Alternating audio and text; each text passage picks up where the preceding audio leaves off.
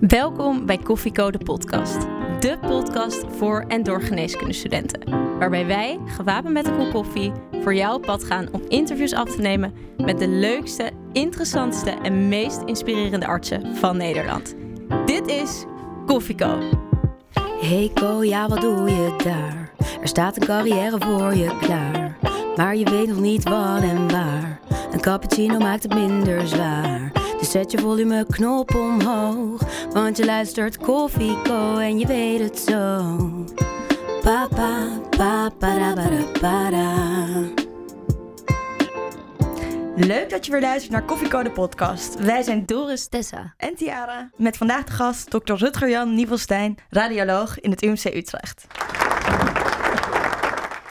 Dokter Nievelstein, wat goed dat u er bent. Was het lastig een gaatje in de agenda vinden voor dit interview? Enorm lastig. Nee hoor, maar ik maak er graag tijd voor, want ik vind het echt een enorm leuk initiatief. Dank u. U bent een druk bezet man. U drinkt vast wel eens eh, een aardig aantal kopjes koffie op een dag. Valt mee. Hoeveel ongeveer? Ik denk een stuk of vier, vijf. En hoe drinkt u hem dan het liefst? Ik heb niet één voorkeur. Ik begin eh, soms met een latte macchiato, vaak met een cappuccino en in de avond vaak een espresso. Heel erg wisselend dus. Ja, Ja. oké, lekker. In de studententijd moest u er vast ook wel een aantal eh, ja, drinken om de lange studienachten door te komen. Hoe was u als student? Ehm, serieus, maar ook heel erg genietend van het studentenleven.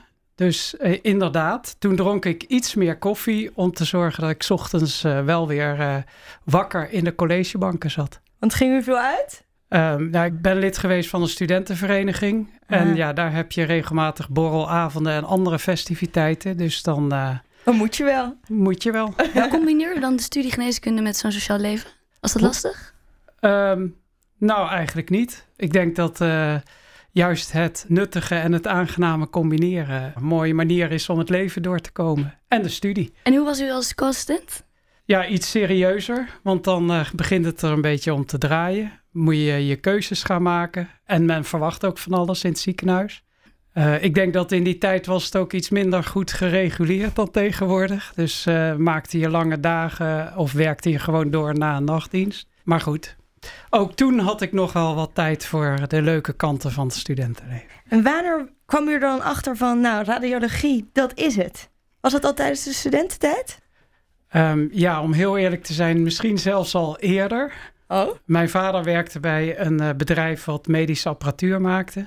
Ehm, dus ik was al een beetje besmet, Ja. zeg ik altijd, van tevoren.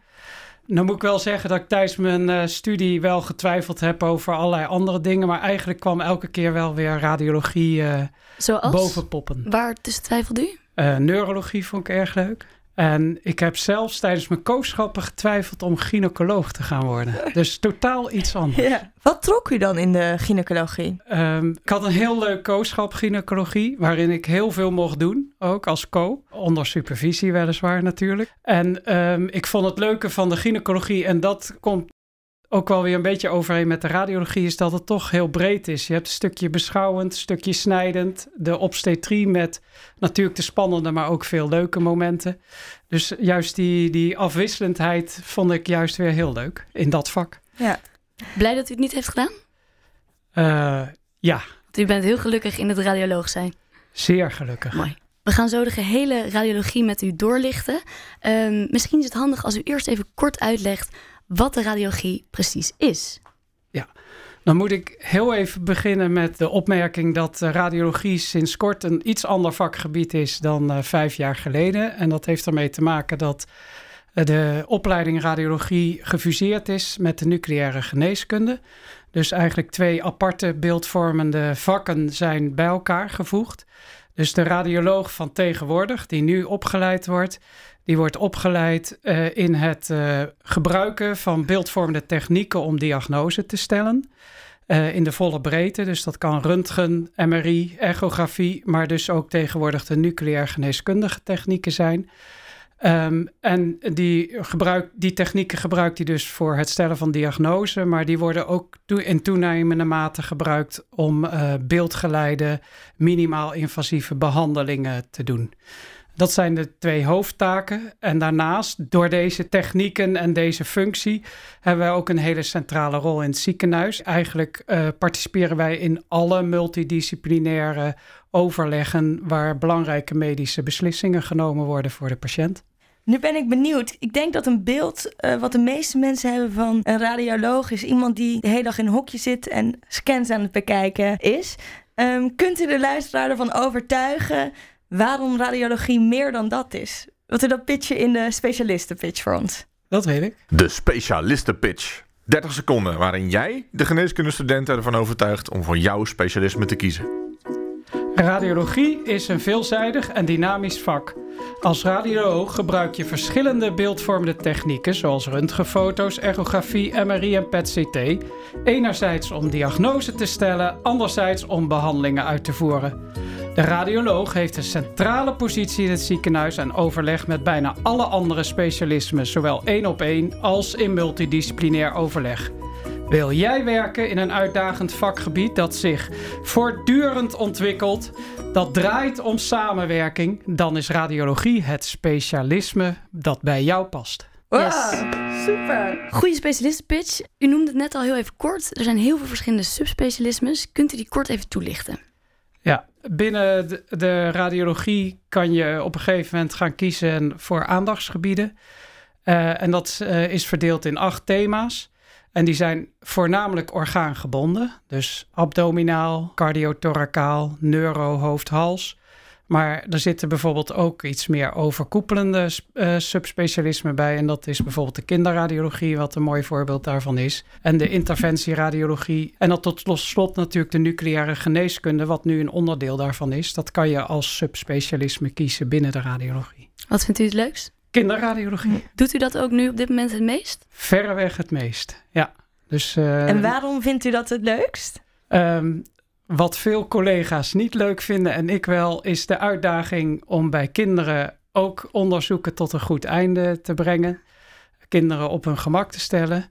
En natuurlijk ook de dynamiek ouder-kind. Uh, want ouders zijn eigenlijk bijna altijd ook bij de onderzoek aanwezig. Dus um, ja, die uitdaging en het omgaan met kinderen vind ik leuk. Ja. Hoe stelt u ze op hun gemak? Hoe doet u dat?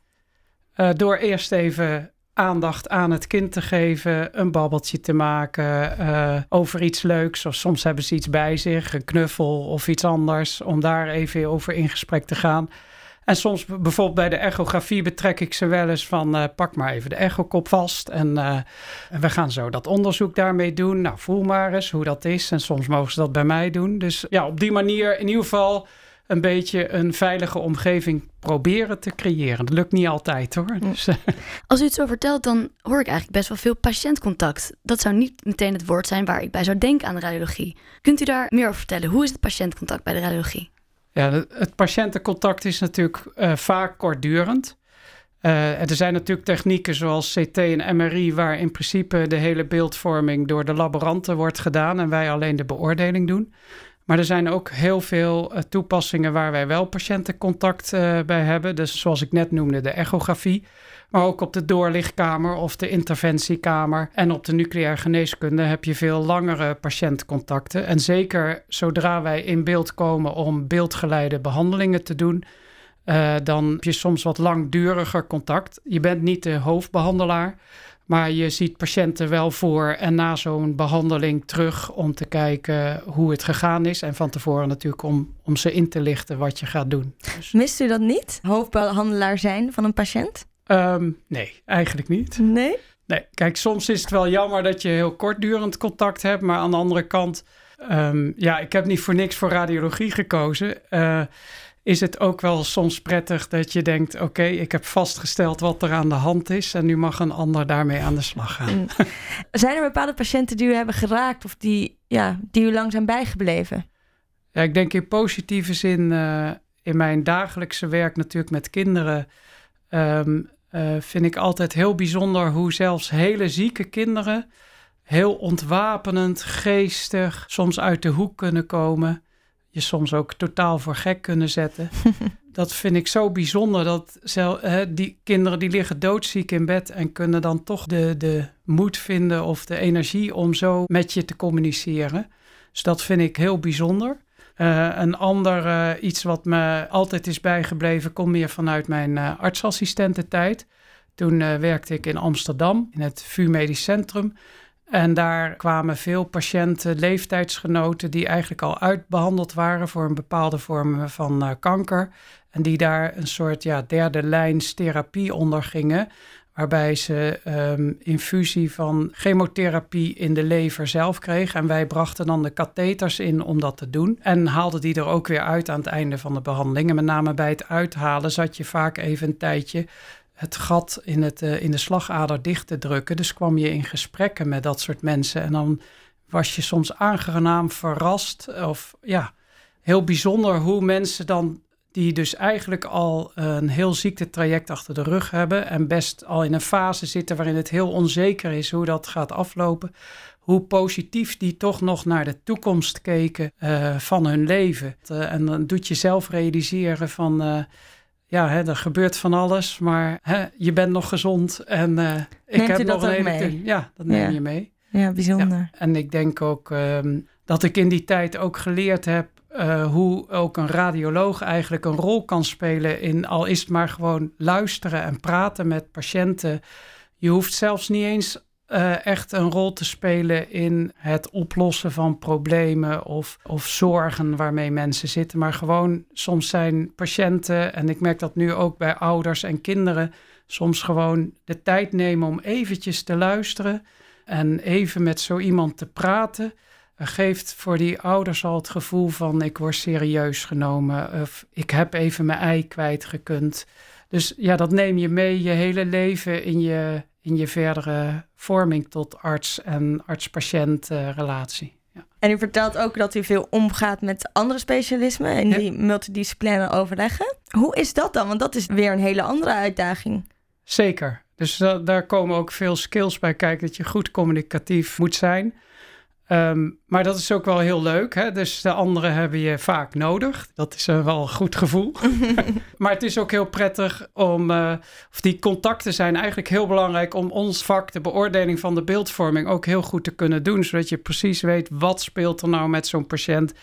Uh, wat is precies het probleem? Wat is de vraagstelling? Waar wil de dokter antwoord op hebben? En dat je ook kan meedenken hoe je die antwoorden het beste kan verkrijgen, met welke techniek of op welke manier. U noemde al communicatie. Noemt dus drie kenmerken, goede eigenschappen van een goede radioloog.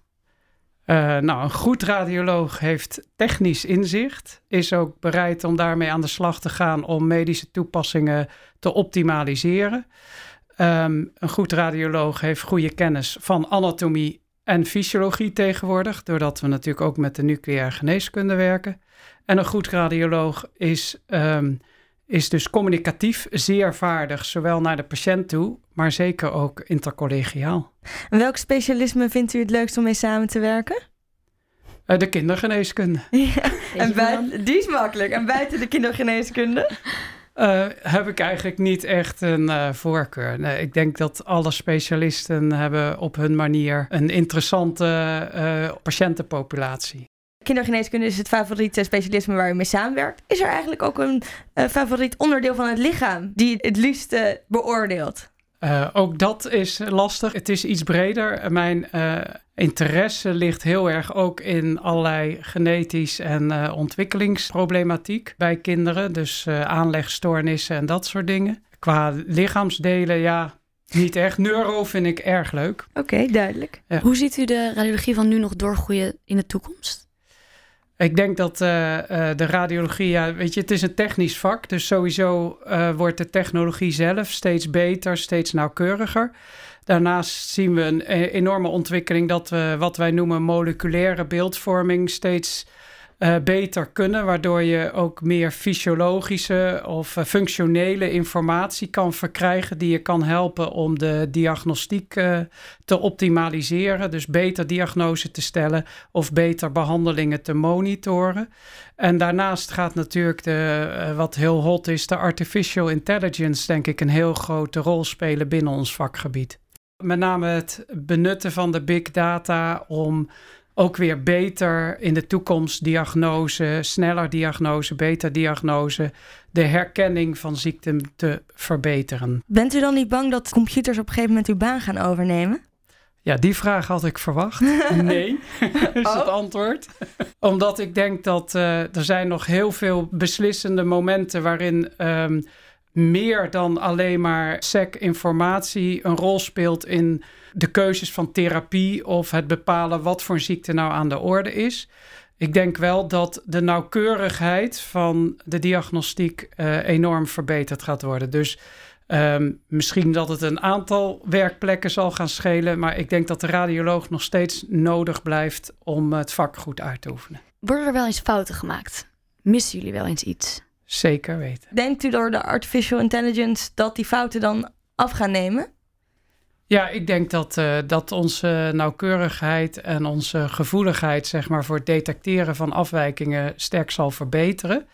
Ik denk dus wel dat, dat voor de interpretatie, want een computer vangt heel veel, maar wil niet altijd zeggen dat dat afwijkend is of dat dat iets is wat met de ziekte heeft te maken. Dat daarvoor eh, wij zeg maar nog nodig zijn om die slag te maken over wat de computer ons helpt aan detectie. Wordt een scan door meerdere radiologen beoordeeld? In een opleidingskliniek als Utrecht eh, vaak wel omdat de artsassistent ook een rol speelt in het diagnostische proces met supervisie. Maar het is niet zo dat elke scan door twee mensen gezien wordt. Er zijn ook nog wel eens toevalsbevindingen. Ehm, wat doe je daarmee? Wij komen vaak toevalsbevindingen tegen die of niet gerelateerd zijn aan de ziekte. En soms wel heel relevant zijn natuurlijk, omdat het iets is waar verder naar gekeken moet worden. Je maakt je verslag en je vermeldt het daarin. En dan eh, zal de aanvragend arts het toch bespreken, denk ik, met de patiënt. En is dat dan ook iets als u dat tegenkomt waar uw hart sneller van gaat kloppen?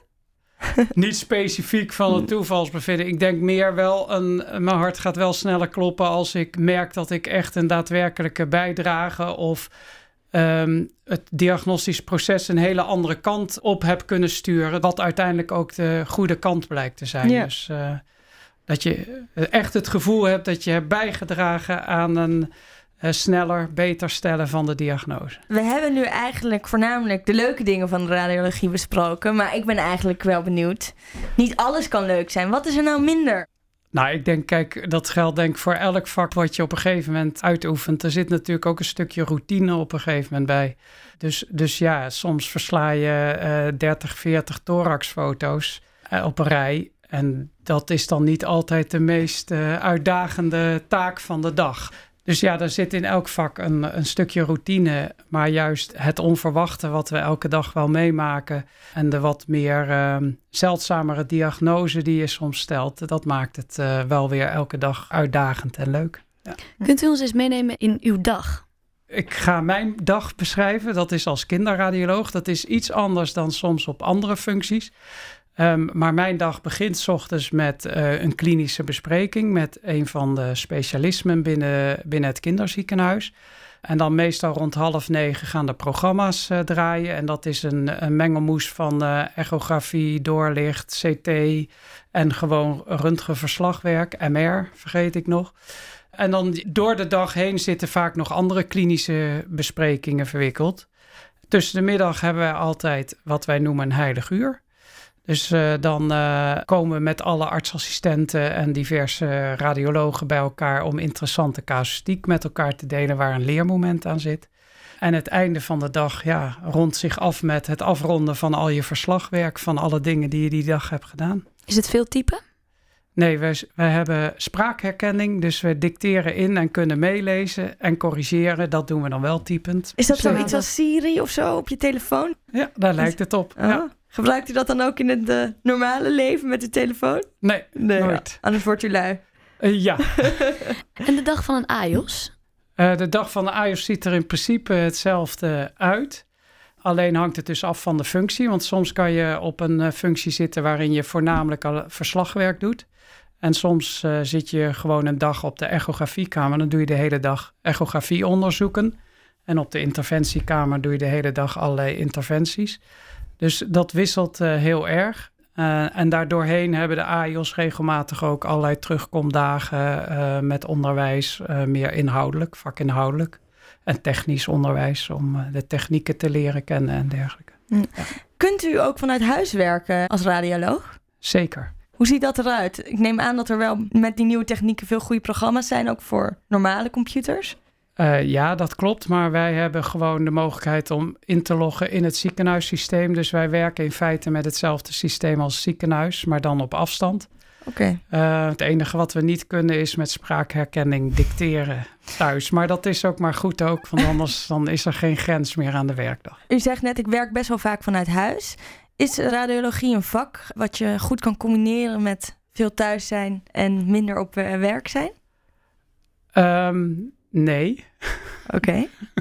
Want zoals ik net al uh, vertelde, heb je een hele belangrijke rol in het ziekenhuis. Dat kan niet vanuit huis. Je, uh, juist dat directe contact met je collega-specialisten, de aanvragers, verwijzers, is heel essentieel. En je rol in de, de vele multidisciplinaire overleggen. Dus uh, het kan niet makkelijk vanuit huis. Nee. Heeft u veel diensten? ik heb regelmatig diensten, ja. Wat houden die diensten in? Omdat ik in een opleidingskliniek werk, uh, hebben we artsassistenten die in het ziekenhuis zijn. Dus je bent achterwacht, oproepbaar. Um, vaak kan dat uh, tegenwoordig door de technologie, door meekijken vanuit huis uh, met de beeldvorming die gedaan is.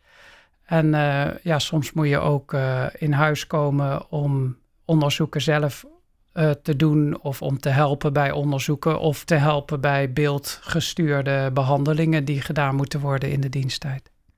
Heeft u eigenlijk een favoriet onderzoek? Um, ik vind echografie heel leuk vanwege het patiëntencontact. En ik vind MRI heel leuk vanwege uh, de mogelijkheden die je daarmee hebt om uh, ja, diagnostische problemen op te lossen. Uh, en nog steeds de technische uitdagingen die erin zitten. Dus ja, dat zijn de twee favorieten, maar eigenlijk maakt het me niet veel uit. En wat is het meest schokkende wat u ooit heeft gezien op een MRI? Of? Um, ja, dat, is lastig. Hè? Kijk, het kan soms heel uh, indrukwekkend zijn als je een kind ziet wat helemaal onder de metastase met een tumor zit, wat dan net ontdekt wordt soms op de trauma-unit. Dat zijn dan vaak meer de CT-scans, kunnen natuurlijk soms ook heel indrukwekkend zijn om te zien wat voor letsels er allemaal uh, aan de orde zijn. Dus lijkt me ook best zwaar. Ja, maar goed, ja, zoals voor elk uh, medisch specialisme geldt dat je ook op een bepaalde manier je werk uh, achter je moet kunnen laten. Maar ja, soms zijn er wel indrukwekkende casus die, uh, waar je wat langer mee rondloopt. Ja. Ja. Lijkt me ook wel iets van een afstand scheppen. Je ziet namelijk de, de foto van ja, de binnenkant van iemands lichaam, maar je ziet niet per se meteen de patiënt erbij. Mm -hmm. Dus dan zie je iemand met een vrij ernstig ziektebeeld. Voelt u dan nog steeds met die patiënt mee? Nou, ik denk dat je dat, dat ook dat hangt een beetje af met de fasen waarin je zit. Hè. Soms als leeftijdsgenoten zijn, komt het uh, ja, wat meer binnen. Uh, in de tijd dat ik jonge kinderen had, dan komen dingen van kinderen ook wat meer binnen soms. Zo van, ja, had mijn zoon of uh, kunnen zijn of iets dergelijks. Ja, en op andere momenten is het een van de vele patiënten. Ja, dat is zo, ja. ja. ja. U werkt in de academie, in een groot academisch ziekenhuis, u bent opleider. Wat vindt u zo leuk aan opleider zijn? Um, het overdragen van kennis en vaardigheden aan jonge aanstormende talenten. Had u zelf ook een leuke opleider? Ik had uh, twee, op, op, tenminste, ik heb twee opleiders gehad. Um, ja, ja, ja, ja. ja, die waren maar al, allebei heel anders. De een was heel erg wetenschappelijk actief, maar vanuit zijn uh, drijfveer uh, om dingen uit te zoeken was hij heel enthousiast over het vak en dat wist hij ook over te brengen aan zijn assistenten. En de ander was meer praktisch uh, ingesteld en op de werkvloer actief. En ja, dat op een andere manier dus ook een soort rolmodel van hoe je een goed radioloog kan worden. Hoe bent u zelf in opleiding gekomen? Um, ik ben al tijdens de studie op een gegeven moment uh, onderzoek uh, gaan doen binnen de radiologie. En uh, uiteindelijk heeft dat geresulteerd in nog meer onderzoek en een promotieonderzoek. En ik ben al tijdens mijn promotieonderzoek uiteindelijk ook met de opleiding gestart. Is dat nu ook zo dat je moet promoveren om in opleiding te komen? Um, nee, dat is geen voorwaarde om in opleiding te komen. Het is een manier om in opleiding te komen. Maar het is ook geen garantie dat je wel in opleiding komt. Dus zoals dat voor heel veel eh, routes geldt die je kan doorlopen om uh, radioloog te worden. Uh, alle routes hebben voor- en nadelen. Is het eigenlijk een populair specialisme? Het is redelijk populair. Is het ook moeilijk om binnen te komen? Hangt er vanaf wat je moeilijk vindt. Ik denk dat wij ongeveer per opleidingsplaats die we te vergeven hebben, drie tot vier brieven krijgen. Dus dus je hebt één op drie, één op vier kans dat je in Utrecht aangenomen wordt. Kunt u ons meenemen in die selectieprocedure? Hoe gaat dat? U krijgt brieven binnen, u leest ze. Ja. En waar kijkt u dan naar? Nou, er zijn een aantal belangrijke dingen. Ik begin altijd met de motivatie. Waarom wil je radioloog worden? Hè, komt dat, uh, en waarom ben jij de juiste persoon om aan te nemen? Dat wisselt heel erg hoe mensen dat verwoorden. En uh, dat hoeft helemaal niet perfect of zo te zijn, maar het is soms ook de wijze waarop je jezelf presenteert, wat soms prikkelt van, nou, die wil ik zien, die wil ik spreken. Daarnaast kijk ik uiteraard naar het cv, waarbij het niet zo is dat het per se helemaal vol moet staan met radiologische ervaring die je al hebt opgedaan dus wat ik al noemde, je kan via wetenschappelijk onderzoek uh, gaan solliciteren voor een opleidingsplaats. Dat is een route. Maar net zo belangrijk vind ik persoonlijk is mensen die klinische ervaring hebben in een ander specialisme. En soms komt het ook wel vanuit de hele onverwachte hoek. Uh, mensen die onderwijskundig allerlei activiteiten hebben ontplooid, die soms wel raakvlakken hebben met de radiologie of uh, iets heel uh, spannends hebben gedaan in het buitenland, ontwikkelingshulp, noem maar op. Dus het is niet op uh, zomaar te zeggen: dit is de route om binnen te komen. Er zijn heel veel aspecten, maar motivatie is daar wel belangrijk bij. Dat je kan laten zien wat jou nou echt drijft om radioloog te worden. Ook al heb je drie jaar chirurgie gedaan, om maar te zeggen. En is er een verschil in de man-vrouw verhouding? Uh, ja, die is er. En die ligt op dit moment in ieder geval in, de, in Utrecht ongeveer op uh, 40, 60. Dus 60% vrouw en 40% man. Maak je als man meer kans? Nee. Nee. En niet, wat... niet per definitie. Oh, oh de co-telefoon. De co-telefoon. De co-telefoon is een uh, vraag ingestuurd door een van onze luisteraars. En die luidt vandaag als volgt. Een thoraxfoto moet elke arts kunnen beoordelen. Uh, merkt u dat sommige artsen hier een tekort schieten? Uh, je bedoelt nu ook algemene artsen? Ja, algemene artsen. Ja. En op wat voor vlak? Um, nou, ik denk dat het belangrijkste wat onze assistenten natuurlijk als soort uh, automatisme leren of waar we op drammen is de systematiek van uh, de foto bekijken. Je maakt hem met een bepaald idee, maar er kan nog meer zichtbaar zijn. En uh, daar worden wel eens dingen over het hoofd gezien. Ja, dus de systematiek dat je jezelf aanleert van... Uh, ik, als ik een uh, even thoraxfoto als voorbeeld neem. Ik begin met de botten. Eigenlijk moet je beginnen met, is die technisch goed? Ja. Dat is de eerste vraag. Of is die helemaal gedraaid en kan ik eigenlijk die longen helemaal niet goed zien? Dan moet die over. Dus is die technisch goed? En dan je systematiek, dat je altijd op dezelfde manier het rondje maakt van uh, bijvoorbeeld long, hart naar botten en wekendelen en bovenbuik en uh, uh, dat soort dingen. Dus dat is heel belangrijk. En uiteraard de interpretatie, maar ja, dat is soms moeilijk. Dat vind ik zelf soms moeilijk op een thoraxfoto. Dus, Hoe lang doet u over een thoraxfoto? Een thoraxfoto, dat kan wisselen van een halve minuut tot een paar minuten. En een full body scan? Een full body CT of zo, Ja? dat kan soms oplopen tot een uur. Ja. Oké. Denk ik. En, hoe- en hoe is eigenlijk de sfeer onderling tussen de radiologen? Eh, nou ja, in Utrecht fantastisch. Ja, is het Ja. gezellig? Ja, we hebben een hele gezellige groep. We gaan niet met elkaar op vakantie, maar we hebben wel meerdere uitjes per jaar Uitjes naar? eh, binnen Nederland. Is het een hiërarchisch eh, vakgebied? Ehm, in Utrecht valt het enorm mee. Ik denk landelijk ook eigenlijk wel. Het afdelingshoofd is bijvoorbeeld geen opleider. De wetenschappelijk manager is ook niet per se het afdelingshoofd. Dus de, de verschillende taken worden Ja. heel erg verdeeld. En eh, iedereen draait mee in de patiëntenzorg. En eh, is ook heel goed toegankelijk, ook voor artsassistenten om aan te spreken. Kijk, uiteindelijk moet je een leider hebben op elke afdeling. Bent u dat? N- eh, nou ja, voor de opleiding wel. maar, maar goed, eh, ik heb gewoon nog een afdelingshoofd boven. Ja. Moet je eigenlijk technisch zijn voor dit vak? Nou, je moet in, op zijn minst wel enige aanleg hebben om de techniek te begrijpen.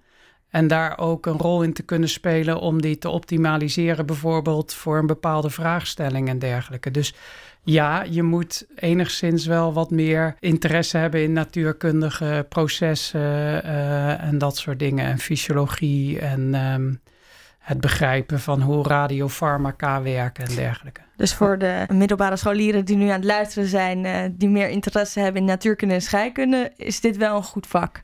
Als ze ook uh, de medische kanten van het vak uh, leuk ja. vinden. En de communicatie en de arts-patiëntrelatie en dergelijke.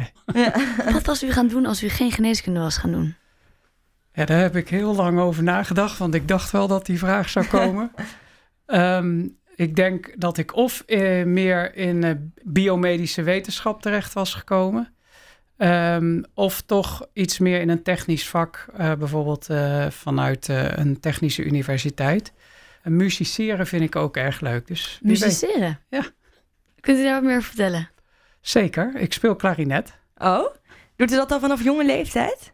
Ook, ja, vanaf de middelbare, ja, misschien al lagere school. Maar en waar kunnen we u bewonderen? in Houten, in het Houtens Blazers Ensemble. En hoe oh. vaak per week doet u dit? Eén uh, keer per twee weken hebben we repetitie en een paar keer per jaar concert. En is het alleen maar klassieke muziek of, of ook modernere? Van alles. Waar ligt uw voorkeur? Um, mijn kwaliteiten liggen iets meer in de klassiek. Ja.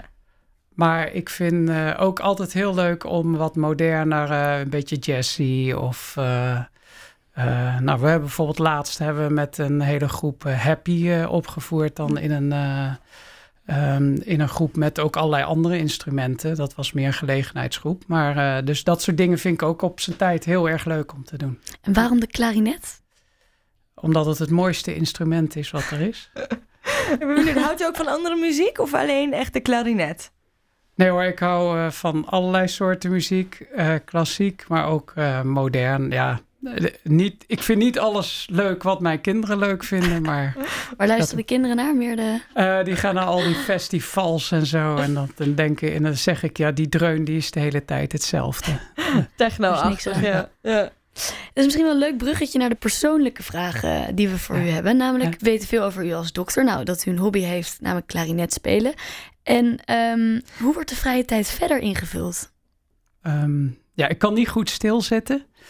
Dus ik ben of sportief bezig met alle, allerhande sporten. Uh, fietsen, soms rennen. Hockey is een passie, een andere passie. Uh, maar ook in vakanties, zeilen, uh, wandelen, skiën. Welke dus, positie speelt u op het veld? Um, ik speel het liefst in het middenveld. Dus half of iets dergelijks. De verdeler, de tussenman. Ja, ja. Okay. veel rennen en actief bezig zijn. Bent u ook nog wel eens creatief bezig of is het echt vooral sport? Um, nee, het is vooral, ja, als je tuinieren creatief vindt, dan vind ik dat ook leuk. En wel eens tijd voor een goed boek? Uh, te weinig. Nou ja, ik maak er te weinig tijd voor. Zou u meer vrije tijd willen? Um, een van mijn grote valkuilen is dat ik zoveel leuk vind, met name vakgerelateerd, dat ik uh, daardoor mezelf dat soort tijd niet gun. Dus uh, um, ja, ik zou misschien wel meer tijd willen, maar dat, dat is nog een leerpuntje van me. U hebt het nu eigenlijk over heel veel verschillende dingen, inderdaad, zoals u al zegt.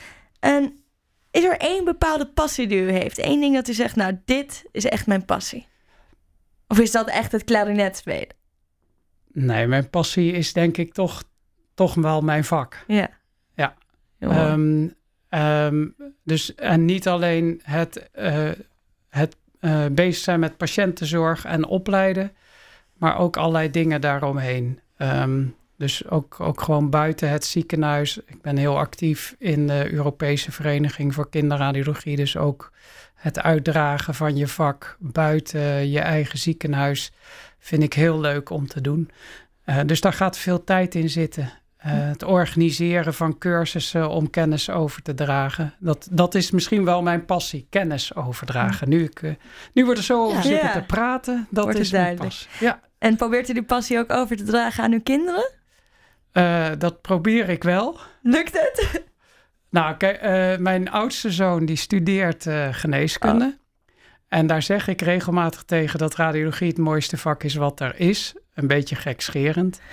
Nou, daar zeg ik er wel achteraan dat hij zelf zijn keuze moet maken en lekker zijn kooschappen moet gaan lopen. En uh, gewoon moet kiezen waar hij uh, happy van wordt. En mijn jongste zoon, die is technisch gaan studeren. Meer um, uw vaders kant op. Ja, en die. Nee, maar ik heb beide kinderen niet gestuurd in deze richting. Hun eigen keus. Radiologie zit niet in het standaard pakket van de kooschappen. Wat nee. vindt u daarvan? Uh, aan de ene kant jammer. Aan de andere kant denk ik dat we in Utrecht inmiddels wel uh, in de pre-kooschapfase heel veel beeldvormende werkgroepen hebben. Dus in die zin komt men wel in uh, contact ermee. En ik zie dat uh, toch veel co-assistenten zijn die het als keuzevak kiezen. Dus in dat opzicht denk ik toch wel dat de exposure goed is, maar kan misschien beter. Ja. Oké, okay, duidelijk. Nou, leuk om meer over u persoonlijk te weten te komen. Ik denk dat het tijd is om door te gaan naar het doktersdilemma. In het doktersdilemma geven we u twee opties waaruit u moet kiezen, um, waar we later dan nog op doorgaan. Klaar voor? Zeker. Ja, top. Het doktersdilemma. Het leven bestaat soms uit lastige keuzes. Denk niet te lang na en geef snel antwoord. Bedrijfsarts of plastisch chirurg? Plastisch chirurg. Pietje precies of slordig? Pietje precies. Koken of afhalen? Koken. Voorzichtig of roekeloos? Voorzichtig. Kan delegeren of control freak? Control freak. Echo of röntgen? Echo. Presenteren voor een grote of een kleine groep? Grote groep. Een weekend op congres met collega's of een vakantie met collega's? Een weekend op congres. De hele dag college geven of scans bekijken in uw eigen kamer? College geven. Naar een voetbalwedstrijd of naar het concertgebouw? Concertgebouw. Die, die was te makkelijk, die, die wisten we inmiddels al. Ja. U zei control freak. Ja. Bent u dat? Nou, ik vind het best lastig om te delegeren. Het gaat me wel beter af, maar um, kijk, ik, ik ben niet helemaal een control freak dat ik niks uh, uh, wil loslaten. Maar ik ben wel meer een control freak dan. Uh, ik geloof dat de andere was roekeloos. Dat ben ik zeker niet. Ja, control freak of inderdaad kan delegeren. Maar oh, kan delegeren, oké. Okay. ja, nou, nou, ik ben meer een control freak. Ook thuis? Uh, nee, thuis minder. Laat ik het Dan aan mijn vrouw over. Lekker makkelijk. En u had het ook over uh, plastisch chirurg. Liever plastisch chirurg dan bedrijfsarts. Ja. Vertel. Ja, die vond ik ook lastig. maar ik denk toch dat ik meer een uh, medicus in een ziekenhuis ben dan een, uh, een medicus buiten een ziekenhuisorganisatie. Dus dat is denk ik de belangrijkste overweging. Ik ben niet zo'n snijder, maar goed. Uh. Nee, maar de samenwerking met andere collega's, Ja. dat trekt u meer, zoals Ja. u al eerder vertelde. Ja, duidelijk. Nou, eigenlijk zijn we dan al aan het einde gekomen van dit interview, helaas. Ehm Dr. Nielsen, dankzij u hebben we weer een stuk meer geleerd over uw vak als radioloog. Ja. Hoe vond u het zo achter de microfoon bij Koffieco? Ja, zoals ik al voor het gesprek zei, van ik vond het best spannend, maar ook wel heel erg leuk. Ik ben verschrikkelijk benieuwd wat ik allemaal heb uitgekraamd. Maar eh, Ik, ik, Terugluisteren. ja, ik wil toch nog eindigen met een van de belangrijkste dingen. Een tip voor onze luisteraars. Ja, dat is waar. Heeft u nog een leuke tip ehm, voor onze luisteraars? Zeker. Ik denk, ehm, ik, ik wil alle studenten, co-assistenten meegeven dat, eh, eh, dat je je niet gek moet laten maken. Eh, neem echt goed de tijd om je keuze te maken wat voor een vak het beste bij je past en hoe je daar dan het beste zou kunnen komen en waarom dat zo is. Ehm, eh, dus neem, neem die tijd en laat je niet gek maken door allerlei eh, praatjes over excelleren, profileren en dergelijke. Uiteindelijk vindt iedereen zijn weg naar een eh, vak, denk ik, wat eh, het beste bij hem of haar past. Hele mooie tip en ook erg geruststellend. Ja. Nou, daar eindigen we dan mee. Ehm, beste luisteraars, dank u wel voor het luisteren. Volg ons op alle social media, Instagram, Facebook, eh, LinkedIn. Eh, noem het maar op en blijf zo op de hoogte van de nieuwe afleveringen. En we zien jullie de volgende keer. Deze podcast werd mede mogelijk gemaakt door Universiteit Utrecht, Hogeschool Utrecht, Opleiding Journalistiek, UMC Utrecht en Utrechts Universiteitsfonds STUF.